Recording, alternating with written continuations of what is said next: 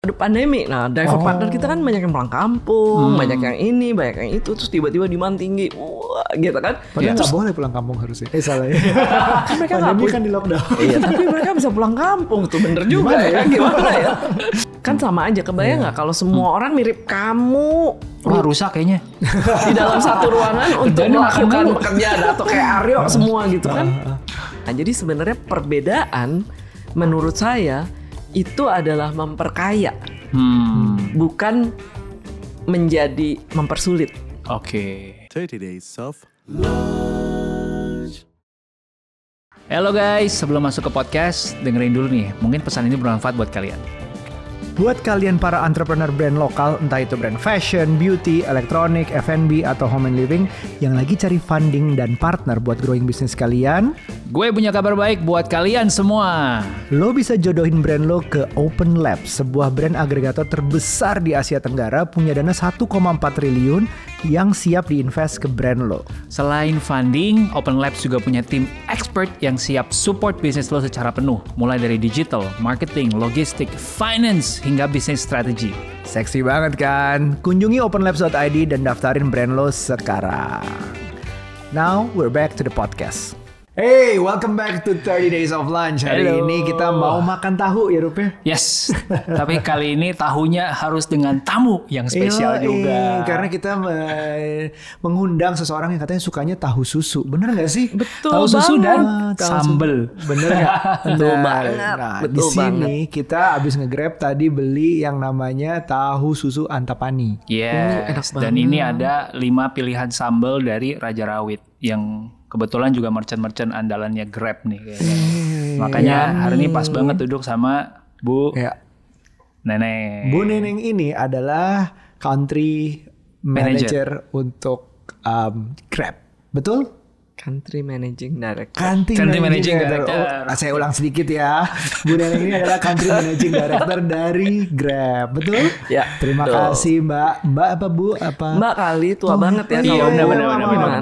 Lu gak nyadar kita juga udah tua sih yo. Enggak. Udah mau kepala empat. Enggak, padahal tuan gue daripada dia. Mbak, gimana? Biasanya tahu itu paling cocok dimakan pakai sambal apa? Macam-macam. Kalau tahu susu Ini pertanyaan sulit kan? Sulit dari awal udah paling sulit banget pertanyaannya. Ini hati-hati jawabnya Mbak. sebenarnya enak sambelnya yang dari dia, which is sambal kecap, Ya. ya kan. Tapi kalau dimodified dengan kalau aku ngelihat di situ ada sambal mata, Wih. ada sambal hijau, Betul. Wah, hafal. ini. ada sambal terasi. Bisa jadi nanti Hampir. dicoba. Yang u- yang ujung sana itu kayaknya mirip. Warnanya mirip ya yang warnanya warnanya mirip. itu. Ha, Langsung betul. dicicip aja kalau gitu kira-kira. Lo yakin? Boleh Yakin, dong. boleh. Ini beneran nih? Bener bener bener bener bener. Aku juga mau Bener. coba. Nggak apa-apa. apa-apa. Sebenarnya konsep kita juga di awal begitu ya. Namanya Iya. makanya 30 days of, Of lunch. lunch. Iya, salah satu komentarnya ada yang wah udah nggak pernah lunch lagi nih ini. Kita lunch. kita lunch. Snacking. Snacking, nggak apa-apa. Wah mantap. Itu berarti pakai sambal yang dua itu ya. Jadi nanti abis ini Ini amnya makannya nggak ada cewek-ceweknya loh. nggak apa-apa. Ada gaya-gaya perempuan. Yang ditunggu komentarnya. Hmm. Ada terasinya kah? Apakah bisa ketebak tiba-tiba Hmm. ini sambal apa? On a scale of 1 to 10. Enak. Cia. Apa pedes terlalu pedes Enggak. atau? Oke pas. Oke, Oke. pas. Enak banget. Hmm. Iya. Boleh dicoba mungkin yang lainnya?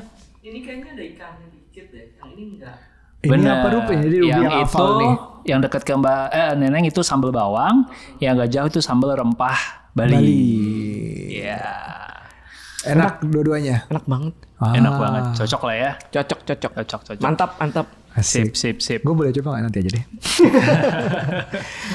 iya, jadi tahu susu tuh kita dengar katanya sukanya tahu susu, martabak telur. Oh iya, tahu banget ya. Ya? Wah. Dapat dari mana nih, Mas? Eh, info saya lihat history grabnya. Iya, jadi eh, kita mau ngajak ngobrol sih sebenarnya apa? em, aku juga, oh, ya well pakai grab jelas. Cuman pengen ngobrol tentang aku banyak hal nonton nonton salah satunya beberapa interviewnya eh, Mbak di YouTube ya di podcast gitu. Kita ngobrol Aku jadi deg-degan nih mau nanya nih. Um, ya, kita aku ngelihatnya ya akhir-akhir ini um, kita pengen ngobrolin tentang cross generasi gitu. Ya. Salah satunya yang mau kita obrolin sekarang. Ya. Um, kita salah satu alasan podcast ini ada adalah tentang kenapa kita tema kita underdog di season ini. Ya. Banyak yang set target bahwa misalnya harus umur segini harus sudah reach suatu goal sekian. Iya. Harus punya 1 M sebelum umur 30. Wah, salah satunya harus kalau punya startup harus unicorn. Gitu. Wah, itu yang salah satunya unicorn itu kayaknya suatu achievement. Padahal itu kan suatu oh, kayak suatu goal. Padahal itu kan suatu apresiasi terhadap ya oh udah sampai segini. Oke, tapi kan tujuan utamanya harus ini menurut kita ya, sama menurut salah satu uh, narasumber kita juga sebelumnya harusnya bukan ujungnya unicorn gitu salah satunya. Terus tapi sekarang aku ngelihat Mbak Neneng yang sebelumnya ada di apa ya industri yang cukup um, matang, industri cukup lama, konsultan dan male dominated dan juga dengan sekarang berkiblat berpindah haluan ke startup yang banyak ya aku dengar sih bener paling banyak Gen Z di situ. Oh iya, Iya. bener banget, bener banget. Jadi Mayoritasnya Gen Z. jadi eh, di Grab itu eh, majority-nya itu adalah Gen Z. Oke. Nah Gen X and above Yep. itu is only handful. Jadi dihitung jari kan maksimum Dihitung 10 jari. berarti kan Iya, ya. Ya di Indonesia tuh mungkin satu jari doang. Wah, yang oke, oke, lain oke. semua Gen Y and Gen Z. Majority is Gen Y. Millennial itu Gen Iya, Y iya, kan. iya, Gen iya, Z iya. itu yang yang di bawah 25 millennial. and- and Iya, iya, Ya, iya, ya, iya, ya. iya. Jadi Kita- jadi uh-huh. kayak gitu tuh. Jadi Uh, how does it feel if I may ask? Gimana sebenarnya pertama kali aku masuk tuh kan kayaknya di my previous life itu juga banyak banget anak mudanya gitu ya majority tapi ya nggak seperti di Grab ini gitu di Grab tuh bener-bener ya Gen X and above itu hanya handful satu satu tangan malah. Oke. Dan em, dulu kan dikatakan bahwa kalau milenial sama Gen Z itu pokoknya no matter what em, banyak maunya em, apa Work-life harus balance. work life balance. Terus woke woke juga dia. Social impact social harus kuat ya. impact gitu kan yang begitu begitulah Ah. ternyata sebenarnya social impactnya iya bagus banget gitu ya. They, they really care about environment and all those.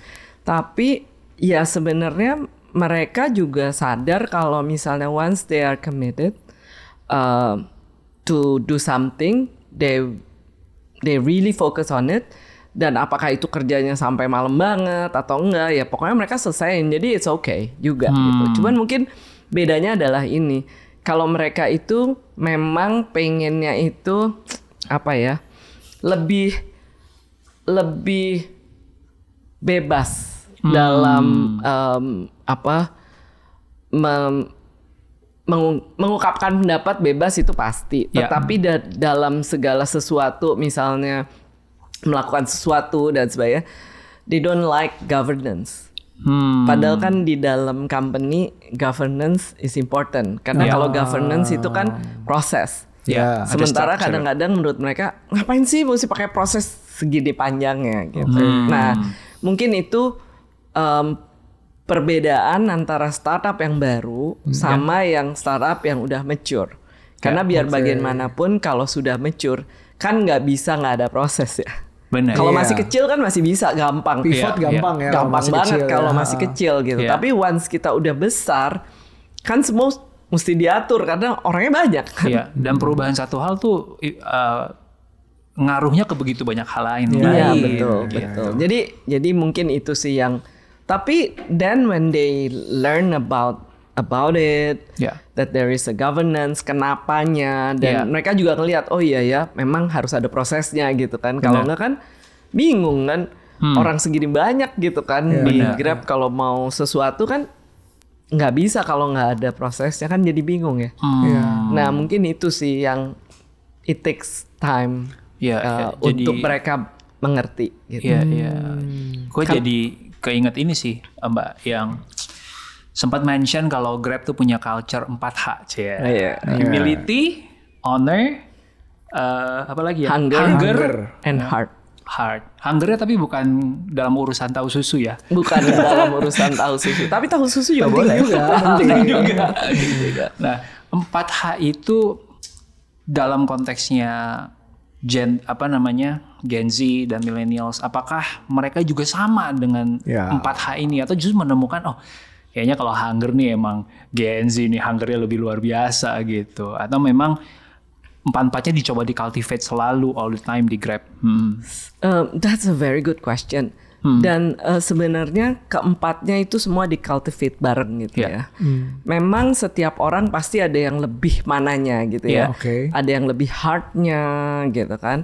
Ada yang lebih hungernya. Tapi kan gini, kalau hunger aja tanpa humility Hmm.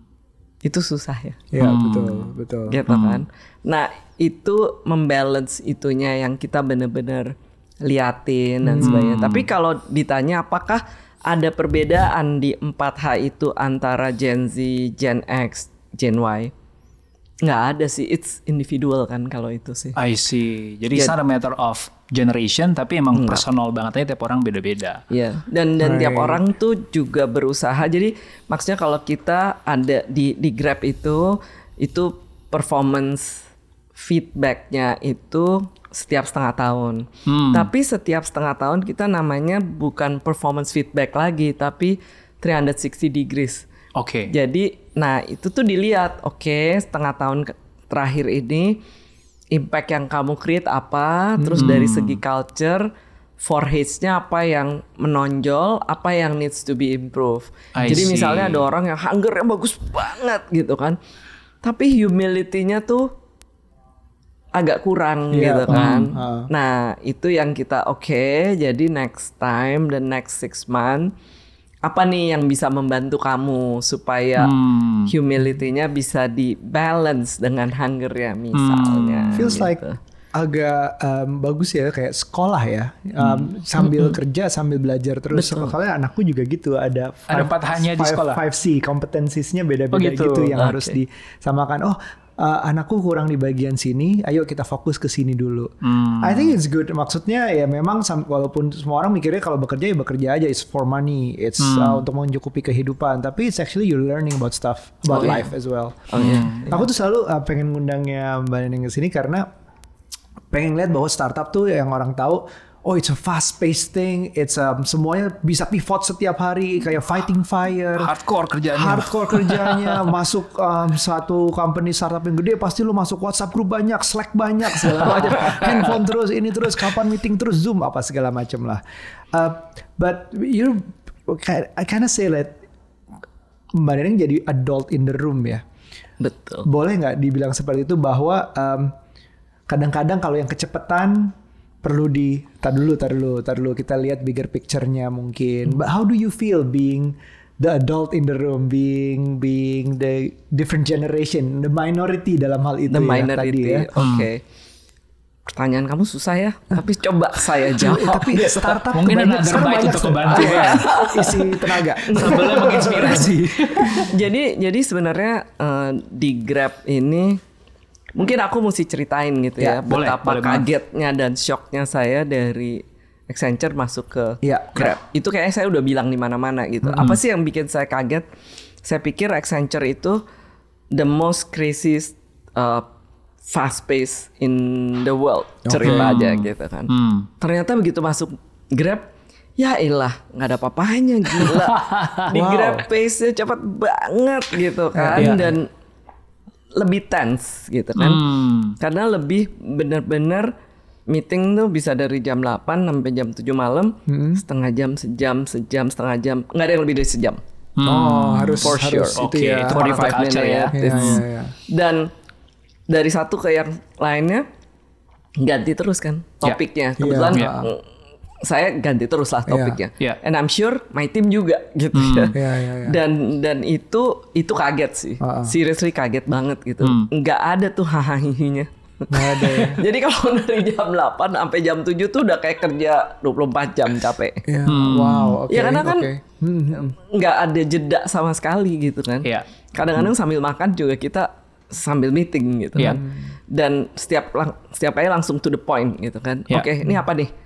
Oke, eh, action itemnya apa? Oke, Iya. nextnya. Oke. Ya udah, sip. Karena kalau lima menit terlambat, semuanya kan lima menit Iya, terlambat. geser. Hmm. Kayak airline nih. Kayak airline. Jadi jadi itu. Nah, itu itu yang saya yang berusaha untuk um, adapt dengan Oke. the situation gitu kan. Nah, memang pertama kali kan kaget karena memang semua kan anak-anak muda yang pinter dan analytical thinkingnya bagus, segalanya bagus, pokoknya canggih deh gitu kan. Wah, canggih-canggih nih gitu kan.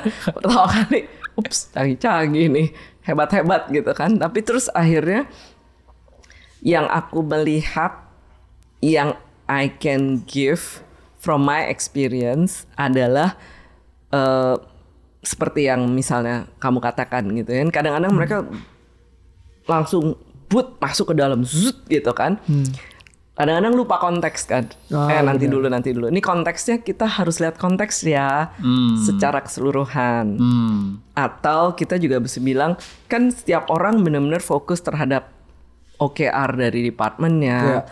eh, atau dari dianya atau ini gitu kan. Terus aku bilang well the success of Grab is more important than the success of you or a certain function.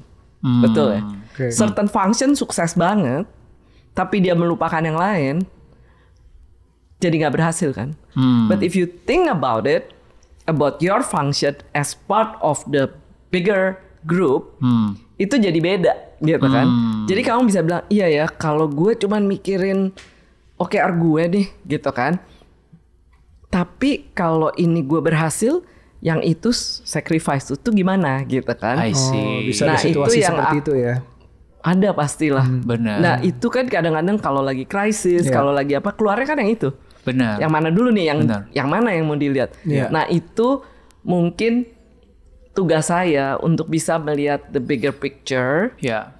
dan uh, coach mereka lah jadi jangan lupa ya kita lihat konteks what is the best for Everyone. customer first and then at the end for Grab Hmm. Iya kan? Dan baru dia gitu.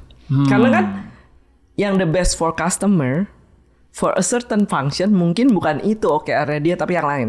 Misalnya gitu kan. Tapi buat Grab, Grab. as a company the most important thing adalah customer. Customer. The most important thing adalah stakeholder Ya. which is our driver partner, Hmm. our merchant partner. Remember that. It's not you. Yes, you are also important as employee. Tapi di sini tugas kita adalah men-serve mereka semua. Nah itu kadang-kadang lupa tuh, itu mesti kadang-kadang sering diingetin. Apalagi Iya. kalau udah semangat untuk something gitu kan. Hungernya tinggi nih tadi. Hunger nih. tinggi banget gitu. eh, eh, stop, stop, stop. iya. Ini bagian itu is it the best for the customer? Iya. Is it the best for our driver partner? Iya. Is it the best for our merchant partner or our agent? Hmm. I see. Jadi, Jadi, itu sih. Mbak Neneng ini hadirnya di saat-saat krusial ya. Ya enggak juga sih. Ya karena Iya kali ya. kalau satu, kalau satu itu akhirnya dilanjutkan tanpa memperhatikan dampaknya ke Grab dan merchant dan driver, Iya. kan belokinnya lebih susah lagi, Mbak. Impactnya gede banget sih. Bener. Jadi itu sih yang mesti tancap gas, tarik, break dulu, lihat. Apalagi waktu pandemi kan. Hmm, Itu kan kayak semuanya riset. Sekarang semuanya riset lagi. I see. Karena totally different. Hmm, Jadi mindset kita yang pada waktu dari kita sebelum pandemi ke pandemi itu kan kaget-kaget Iya. gitu kan. Dari pandemi ke sekarang kaget-kaget lagi. hmm, Karena beda Iya loh. sih. hmm. Apa yang bikin beda banget tuh sama sekarang? Karena kan gini, tiba-tiba misalnya nih, oh iya, oh, ini kan drivernya banyak yang pulang kampung. Hmm. Oh, waktu pandemi. Ada pandemi. Nah, driver partner kita kan banyak yang pulang kampung, banyak yang ini, banyak yang itu, terus tiba-tiba demand tinggi. Wah, gitu kan. Padahal nggak boleh pulang kampung harusnya. Eh salah ya. Kan mereka Pandemi kan di lockdown. Iya, tapi mereka bisa pulang kampung tuh bener juga ya. Gimana ya? Terbang kali kalau salah. Nggak tapi yang kayak gitu gitu. Terus ada yang udah Demand pivot naik ke memang, tempat lain gitu kan, pivot ke kerjaan lain, Betul. whatever gitu kan. Jadi ganti lagi, tarik beda gear lagi gitu kan. Hmm. Terus em, pas udah mulai eh, orang-orang ke kantor, Hmm. orang-orang mulai sekolah, ini apa lagi nih? Iya, sekarang apa ini ya. behaviornya apa lagi nih? Kayak apa nih? Itu kan beda. Hmm. Jadi kita Iya. tadinya santai-santai kita pikir begini, uh beda ya gitu. Iya, iya, iya. I would guess uh, salah satu perubahan yang terjadi tuh di saat pandemi selain tadi driver pulang kampung juga GrabFood yang pasti partnernya meningkat banget ya tiba-tiba jualannya naik justru di saat pandemi.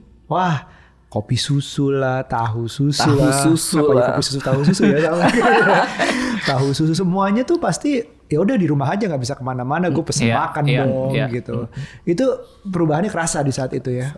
Kerasa banget. Naiknya banyak ya jumlah jumlah merchantnya. naiknya banyak banyak banget cuman eh, gini kalau orang yang misalnya punya restoran terus mereka nggak cepet pivot dan mereka nggak berubah menjadi pengantaran makanan Iya. gitu kan Hmm. di situ they are in difficulties Iya, pasti gitu ya. kan would Iya. tapi emang ada yang cepet pivotnya untuk ah gue nganterin makanan langsung Iya, gitu kan iya. ada yang cukup lama Iya. gitu jadi beda-beda biasanya Hmm. yang cepet itu yang punya anak muda anaknya masih muda gitu kan Oh. Ya, kebayang nggak kayak misalnya gitu ya eh, ini saya paling bangga kalau ngomong yang eh, pasar gitu ya Hmm, apa yang kita lakukan di pasar Oke. membantu para pedagang pasar gitu ya. Itu yang cukup muda itu cepet banget beralih Iya. dan ternyata penghasilan mereka bisa 10 kali 20 kali lebih tinggi Oh. dari sebelum pandemi. Kebayang nggak sih? Wow. Ini Itu agak-agak cerita underdog ya. Iya. Karena Itu harusnya underdog tuh. Iya makanya jadi kalau misalnya kita underdog gitu kita pikir oh nggak bisa ternyata bisa sama aja sama Grab gitu. Hmm. Kita orang-orang selalu mikirnya ah Grab underdog gitu kan. Iya, karena bukan yang pertama waktu Bukan yang itu. pertama, Iya, betul. Tapi jangan salah nih. Hmm. Kita bukan yang pertama, kita dianggap underdog. Tapi kalau lihat dari eh, JP Morgan result Iya. di Tech Tech Indonesia. Tech Indonesia, Hmm.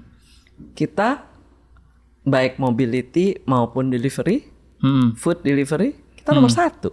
Oh, Secara iya, GMV iya, ya kalau nggak salah iya. aku baca Iya. ya. Wow. Dan itu udah dari akhir 2020 ya. Sebenarnya kita dari 2019 akhir udah menjadi nomor satu. Wow. Ya cuman mungkin kita nggak dengar gembar-gembornya aja. Benar, benar. Itu salah satu mungkin kombinasi kayak kalau di dalam Grabnya antara Gen X dan Gen Z.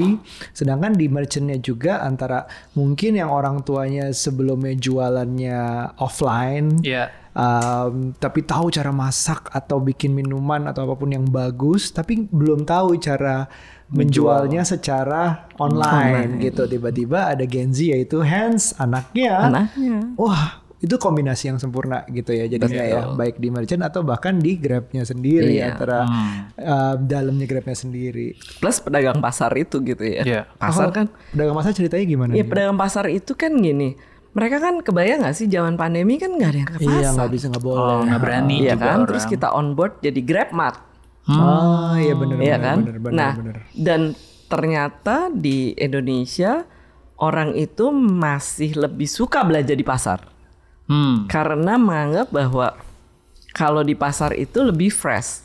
Hmm, Ada konotasi itu gitu kan. Hmm.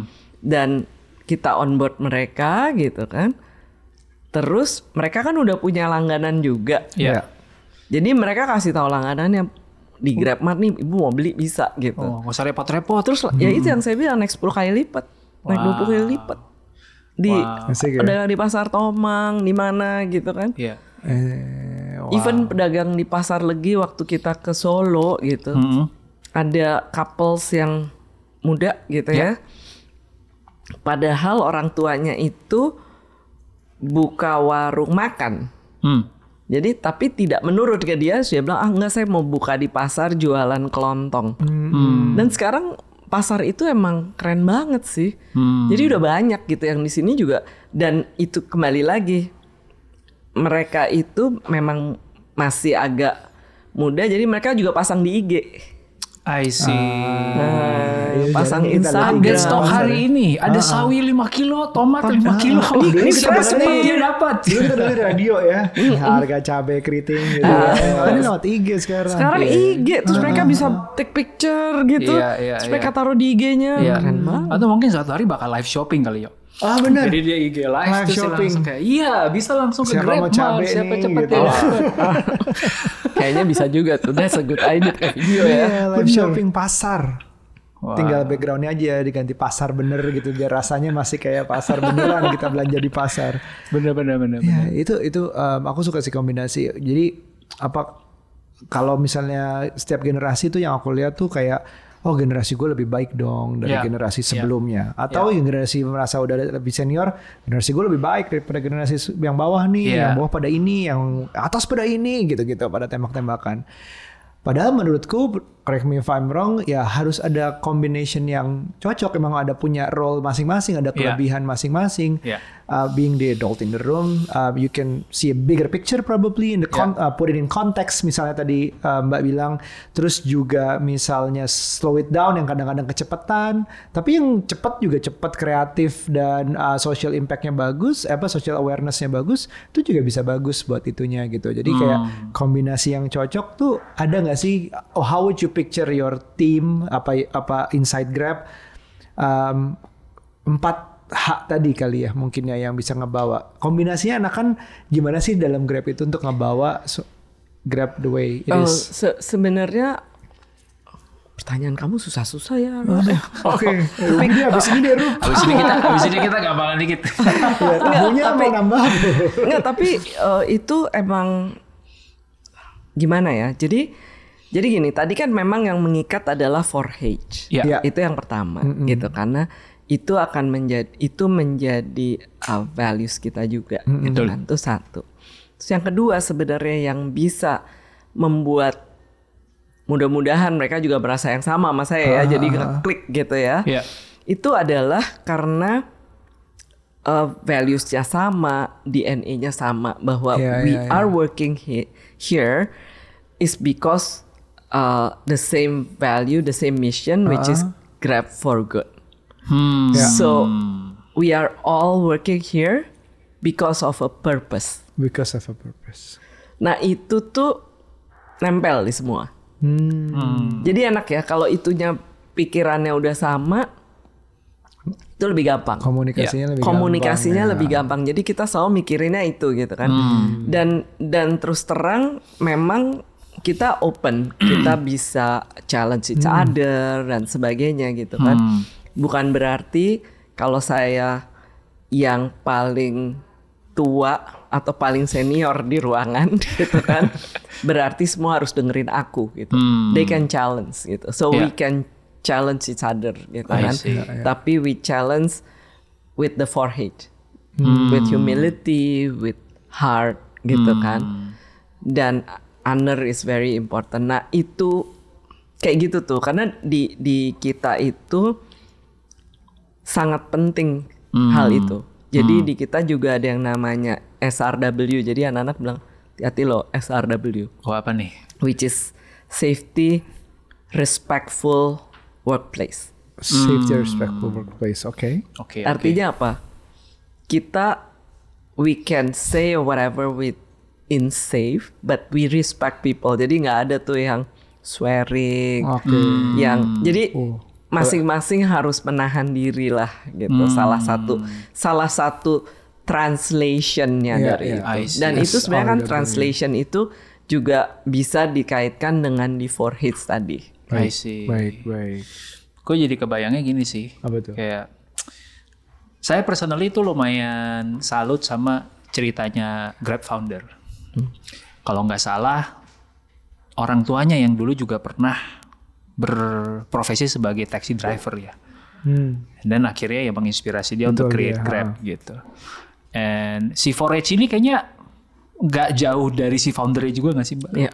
Oh iya dong. Have you ever had that conversation Oh, with iya. Anthony dan bagaimana akhirnya itu menginspirasi dia? Is there any specific story yang menarik nih? Kan kita kan sampai ke Anthony kayak masih belum. Masih Mungkin jauh, next oke. interview gitu ya. sebenarnya Neng.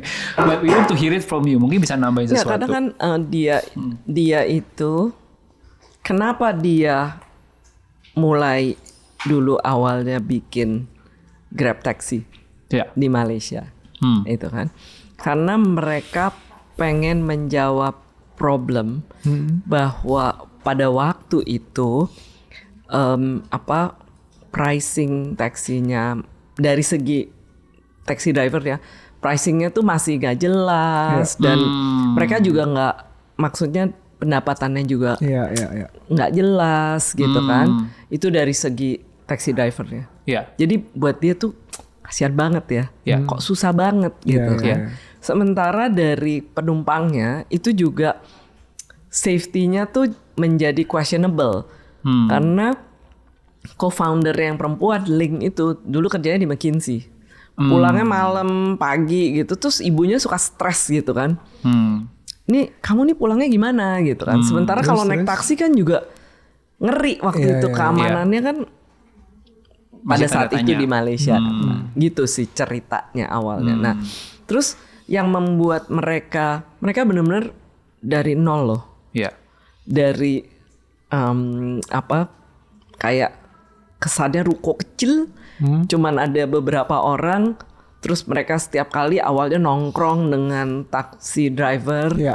untuk cari gimana ya caranya untuk membantu mereka kehidupannya menjadi lebih baik dengan teknologi. Hmm. Terus baru mereka rekrut beberapa orang gitu kan, terus mulai ada yang tag-nya, ada yang eh, merekrut driver, kan Iya. siapa yang mau coba Iya, iya. Ya. untuk masuk dong nih ada apps, gitu. Iya. kan susah. Benar. Jadi dia benar-benar mulai dari awal, Awal banget, banget. gitu.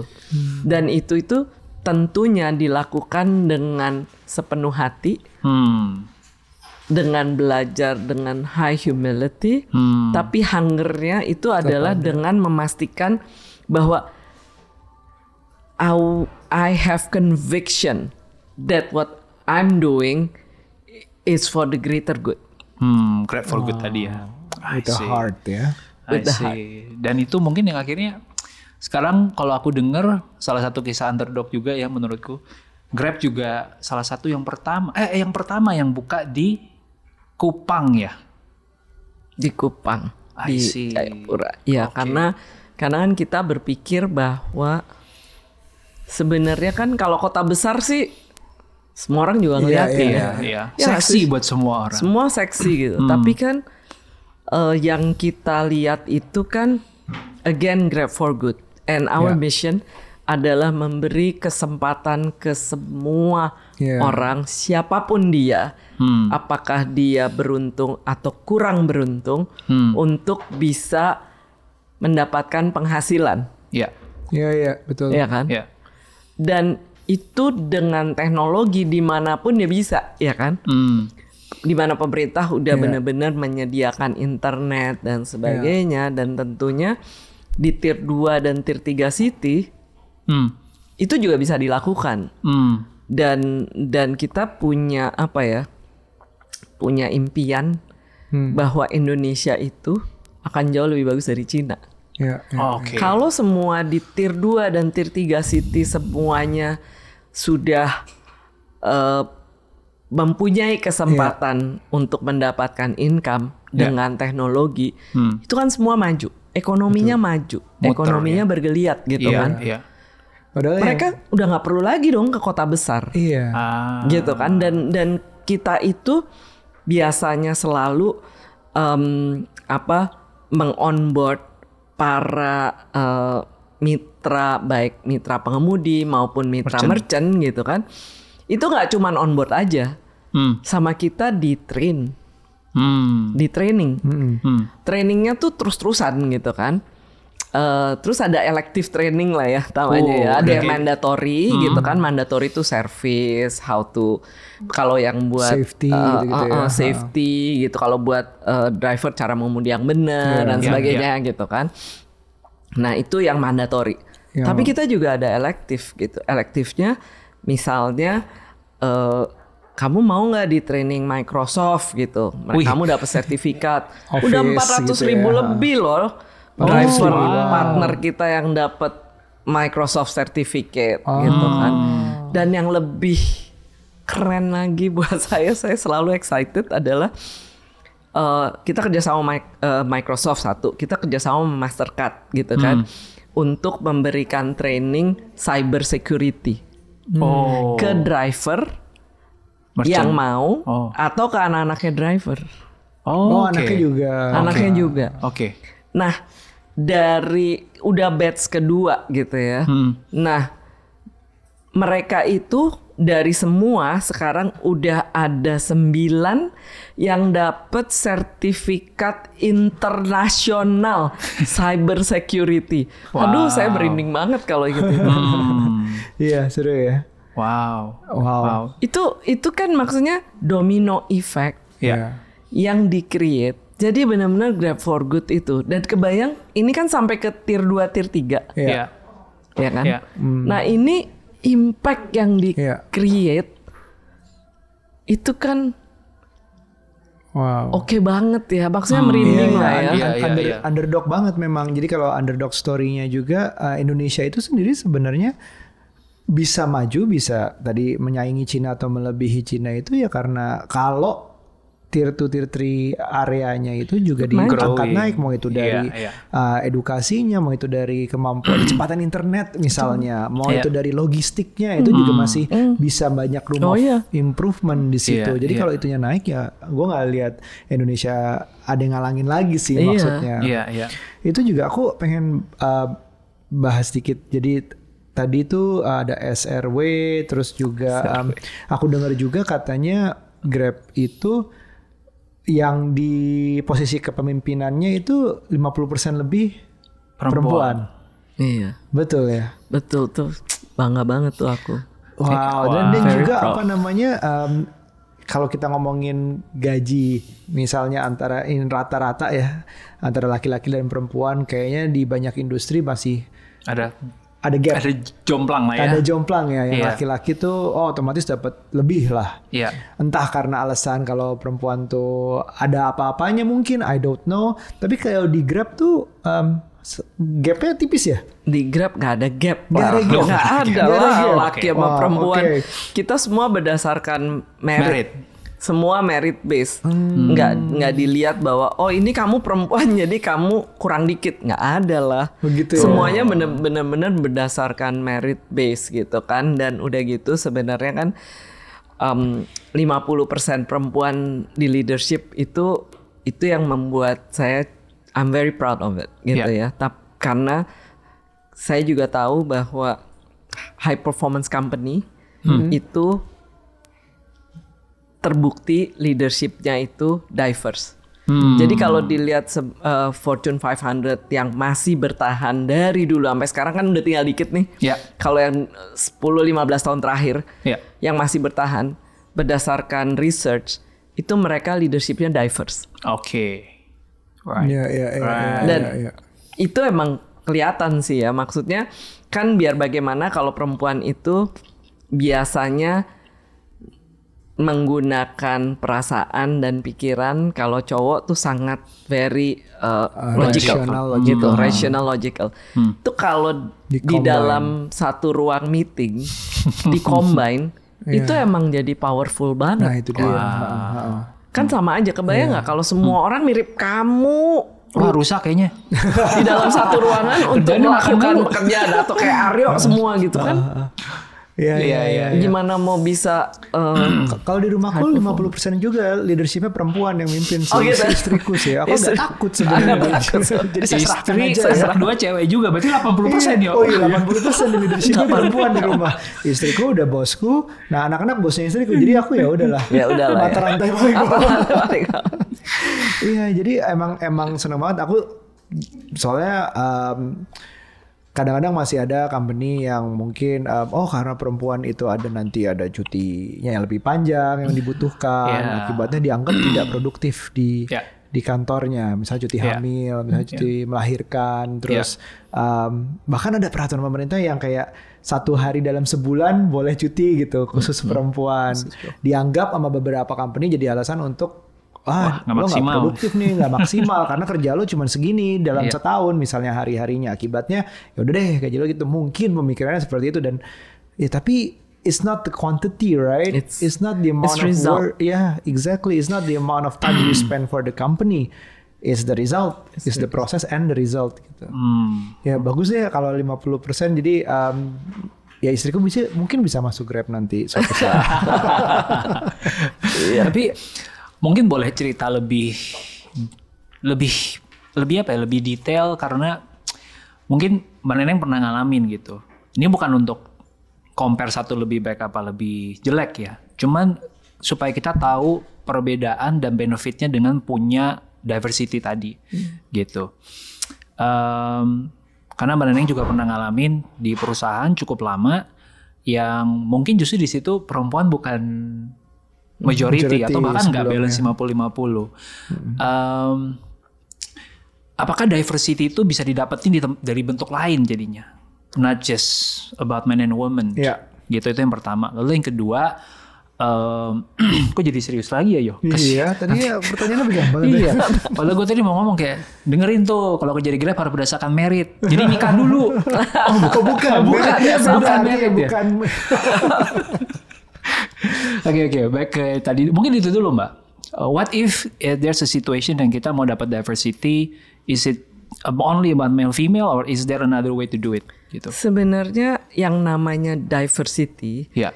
itu emang yang paling banyak, paling gampang, paling kelihatan itu adalah perempuan sama laki. Ya, Oke. oke. Tapi kan sebenarnya diversity as a whole Ya. itu adalah semua dari mulai gender, dari mulai Ras, ya. ras, dari mulai usia, dari mulai religion, Ya, it's ya, ya. all. Ya. Dan memang saya melihat kalau itu semua diverse, Ya. kan lebih lebih kaya loh Betul. Ya. dalam hal uh, pemikiran, Ya. lebih kaya dalam dalam segala hal, Ya. even dalam execution, beda sih memang karena variety-nya kan banyak ya. Ya. Jadi kalau diskusi itu angle-nya bisa macam-macam gitu Benar, kan. benar. Hmm. Meskipun kita sob- eh, kita tidak boleh me- apa namanya mengeneralize kalau ras ini seperti ini, ras itu seperti itu. Tapi di bawah sadar mungkin ada yang yang menjadi apa namanya? menjadi kekhasan mungkin. Hmm. Bukan karena apa-apa karena eh, upbringing dan Betul, sebagainya jadinya betul, gitu kan betul. jadi menjadi kekhasan gitu Benar. ya. Contohnya saya dan Aryo nih. Aryo kan race-nya Javanese, Jawa. Jawa, Ah. gitu kan. Terus saya anak Sumatera, eh, keluarga Chinese. Ya. Buat saya tuh kalau ngomong volume 20 tuh normal. Ah. Sumatera. Tapi Aryo tuh volume tuh mungkin 5 atau Lima. 7 buat dia. Kalau udah 20 udah Oh, udah kayak lagi berantem Ada gitu apa kan. Iya. Ada apa? Terus terus, Mbak. Iya, jadi eh, bener-bener jadi pemikiran itu Iya. jadi lebih kaya. Ya. Itu harus diterima. Jadi sebenarnya perbedaan menurut saya itu adalah memperkaya, Hmm. bukan menjadi mempersulit. Oke. Ya. Ada konteks nggak? Tadi kan kita sempat bicara kalau one of your role is to bring context dalam uh, corporate gitu Ya. kan. Uh, dalam kasus diversity ini ada contoh nggak Mbak?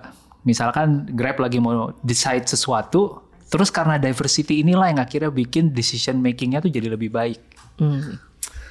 Hmm. Ih, susah banget. Tapi Memang mungkin tugas kita soalnya di belakang sini ada pendengar-pendengar yang membisikkan. Iya, benar, benar, benar. Enggak, tapi tapi gini ya. Saya saya ambil contohnya adalah Ya. seperti ini.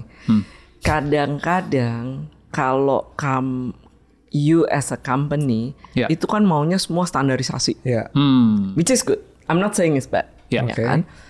Tapi eksekusi itu kalau nggak dilihat dengan lokalnya seperti apa, itu bisa berantakan.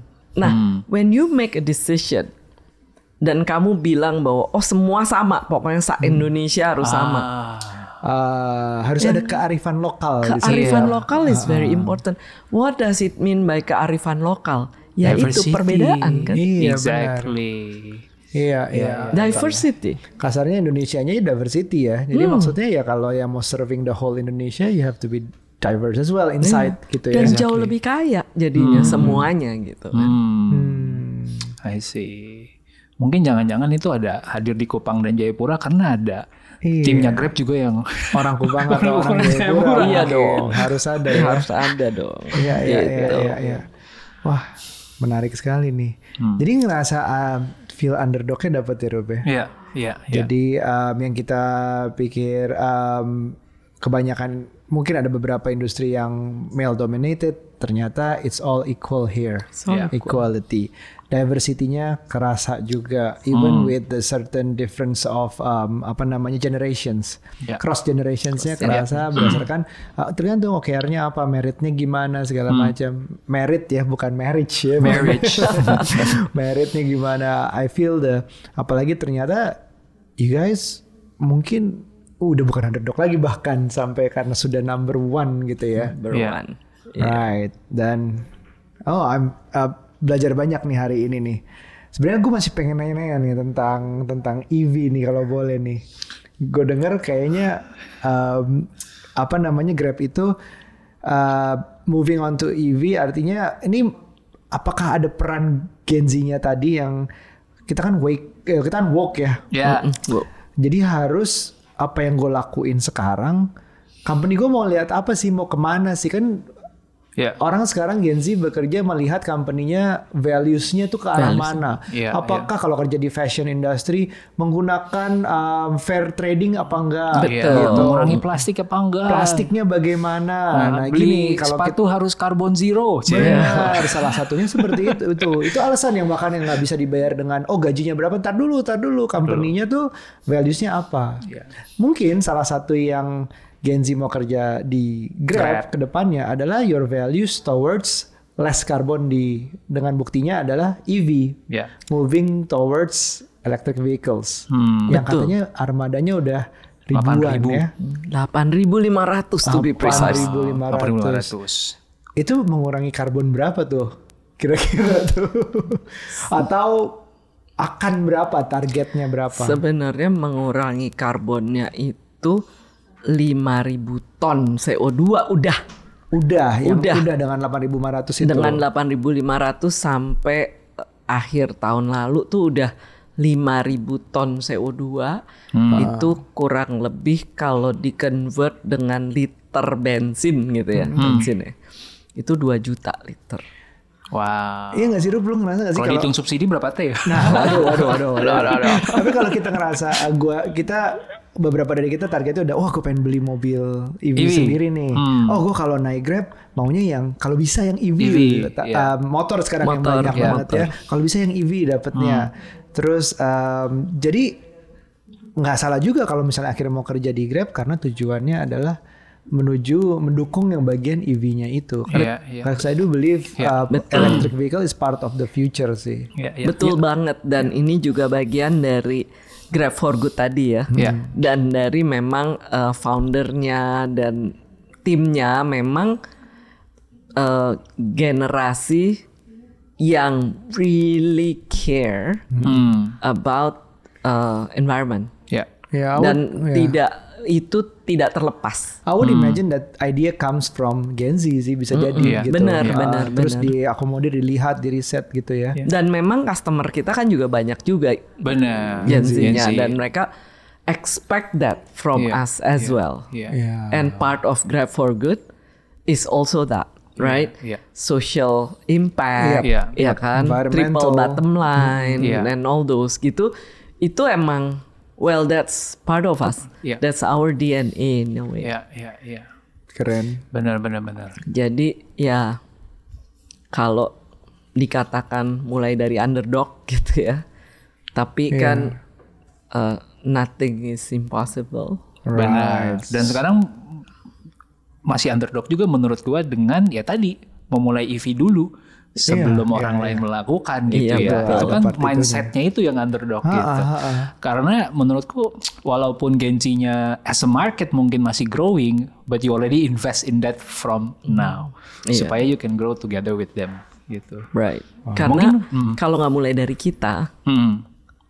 dari siapa? Iya, iya. nggak bisa dong kita cuman eh, iya deh kita care gitu, kita concern, tapi nggak ada action. Iya, iya, iya, iya, iya. Kan kita juga nggak bisa nunggu loh orang Bener. Untuk masyarakat lamai beli Iya. motor listrik dulu. betul, Siapa yang mau nyoba-nyoba? benar. Iya. Iya kan orang kan pasti orang kita kan mikirnya resale value-nya gimana nih? Iya. Iya. Belum yakin kok gitu. Iya. Terus betul, siapa? Betul, betul. Siapa ya, itu yang salah mau? satu konsiderasi beli EV juga sih, mobil juga kayak gitu kan. Harganya aduh, tapi selnya gimana nih? Iya. Ngurusnya gimana? Jadi at least we can try. Kita bisa coba dulu di Grab. Betul, Aku pernah Grab. coba sekali dari airport. Oh, naik oke Ioniq. banget kan? Belum Ioniq 5 ya. Belum, Ioniq itu kita pakai. Ya itu, dan aku emang pernah review mobilnya juga. Ini nggak ada suaranya ya. Kalau kalau AC-nya dimatiin, mobilnya berhenti, sebenarnya mesinnya nyala, tapi kayak nggak ada Kayaknya suaranya. Ada suaranya ya. Bener-bener begitu AC-nya nyala jalan oh, oh, oh ini Oh, iya. jalan tuh mobilnya gitu. Aku ngerasa kayak gitu dan Iya. memang memang wah should I think thi- this is the future should be kayak gini gitu. iya. Karena eh, commuting kita di eh, aku kalau aku sih pengennya karena aku nggak sering keluar kota yang road trip. Ya. Ya udah kenapa nggak ada EV. EV, ke mana-mana Eh, jaraknya juga masih under 300 kilometers under 500 kilometers Eh, ya motor mobil EV bisa banget sehari tinggal di charge malamnya Ya mungkin habis ini kita juga akan mulai rekaman listriknya semuanya pakai solar panel. Wah, amin. amin. Ya, ke depannya mungkin begitu. Eh, Right. Interesting. Thank you banget Mbak Neneng hari ini buat obrolannya. Em, apa mungkin tiga hal yang lo dapat banget ya? Atau satu dulu deh mungkin. Tadi udah uh, beberapa ya gue sebutin ya. I love the underdog story, the diversity, Ya. uh, the equality Ya. dalam Grab yang dan juga um, the underdog story of looking to the future, which is one of them is EV. EV. Dan itu aku pengen suatu saat kalau bisa kita ngobrol lebih dalam tentang EV-nya. Oh siap. Nah, ya, sebagai tech reviewer pengen banget dari segi oh, terutama yang motor ya. Aku aku jarang jarang coba belum coba yang motor seperti swappable gimana, detailnya gimana. Um, nanti ke depannya bahkan ada motor yang bisa dimodif jadi mod dari motor biasa diisi Iya. uh, jadi mo- jadi motor Jadi EV. motor listrik. Jadi motor listrik itu izinnya gimana? Nanti aku pengen lebih detail lagi. Tapi if you guys are going there, this is a start gitu. Uh, aku sih pengen banget semua mobil atau kendaraan di Indonesia di Jakarta itu at least ya elektrik. Elektrik. Aku pengen suatu saat ada waktu untuk ngobrol lebih dalam tentang Siap. EV. Seru. Nanti kita juga bisa uh, share mengenai pengalaman Pengalaman. kita gitu Iya. kan, pengalaman para uh, mitra pengemudi kita gitu kan. Dan um, beda-beda merek lah karena kalau kita kan agnostik gitu. Iya, iya. Kita memberikan kesempatan pada siapa pun juga mau nyoba boleh lah nyoba di Iya. Grab dan kita uh, suruh driver uh, mit- uh, partner kita untuk nyobain gitu Iya, kan. iya, iya. Temenku udah ada yang Ves- Vespa tua diisi Dijadiin motor listrik. Diisi baterai. Ah, ah. dan itu udah ke mana-mana bawa charger gitu. Jadi ya oh, oh tapi ini Vespa ya gitu. Keren kan? Keren, masih keren. ada feel authentic originalnya gitu. Kalau lu Rup? Iya ya, I think kalau dari gua mungkin gue nambahin dikit ya, karena pernah ada satu irisan momen yang menarik dan tadi ke-trigger lagi gitu bahwa Grab for Good itu is not just apa ya, it's just a jargon. Karena gue pernah ngalamin. Oke. sebagai vendor yang diminta untuk ngelatih. Oh, iya, Oh seriously, oke deh. Jadi waktu itu kita dihadirkan di sebuah hotel dan di situ all the merchants-nya Grab gitu ya, uh, Grab Food terutama waktu itu. Terus waktu itu gua dan tim sharing tentang social media strategy, gimana caranya lo maksimalin sosmed buat jualan, gimana lo take pictures yang bagus buat di aplikasi Grab kan that small box Kecil putih banget. itu gimana cara maksimalin supaya Iya, kelihatan iya. menarik gitu Biar kan. lo stand out ya Exactly kayak gitu-gitu. So lu udah beberapa kali juga. Jadi ya emang konsistensi itu berasa. Ya. Nggak cuman hanya sampai di uh, di atas kertas tapi juga benar-benar dilakukan gitu. Iya. So thank you for that for showing us it's uh, the example. testimoni Uh, Thank you. nggak sengaja akhirnya ketemu ya. Akhirnya ketemu ya. Dan yang kedua mungkin soal women gitu ya. Um, for me it's it's the the true underdog story kalau buat saya. Oke. Karena belum banyak perusahaan yang berani melakukan itu. Even company-company yang kita tahu udah mungkin koar-koarnya lebih duluan. Kalau dulu. So I, I appreciate you for starting that and uh, giving that example. Mungkin one day, one day juga kalau Aryo sisi tech-nya, mungkin di 30 Days of Lunch kita bisa bawa your management level yang perempuan.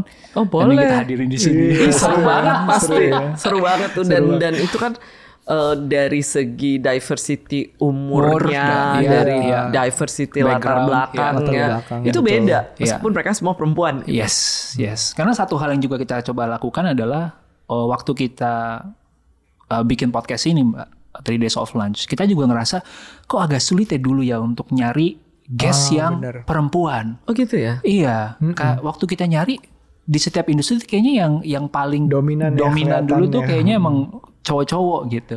Makanya di season lalu season 3 kita niatin Aryo cari co-host perempuan. Iya, sengaja. Saya cari co-host perempuan. Jadi kita pisah nih oh gitu supaya ada tadi diversity suara terwakili gitu. So we would love to explore more that, but I think for today um, kita udah belajar banyak banget sih. So thanks a lot. thank you a lot. banget ya Thanks thank you lot. so banget udah. Thank you diundang so aduh it's an honor Oke guys, teman-teman, thanks for listening uh, to the Days of Lunch. Kita kalau merasa podcast ini berguna buat kalian, Ya.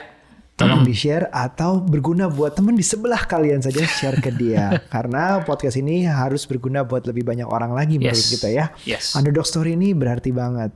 Jangan lupa ini bisa didengar di Apple Podcast juga dan Spotify. Silahkan versi audionya dan jangan lupa subscribe nih. Cih, masih perlu gak sih gitu? Betul. Jangan lupa Kayaknya kayaknya nggak usah deh.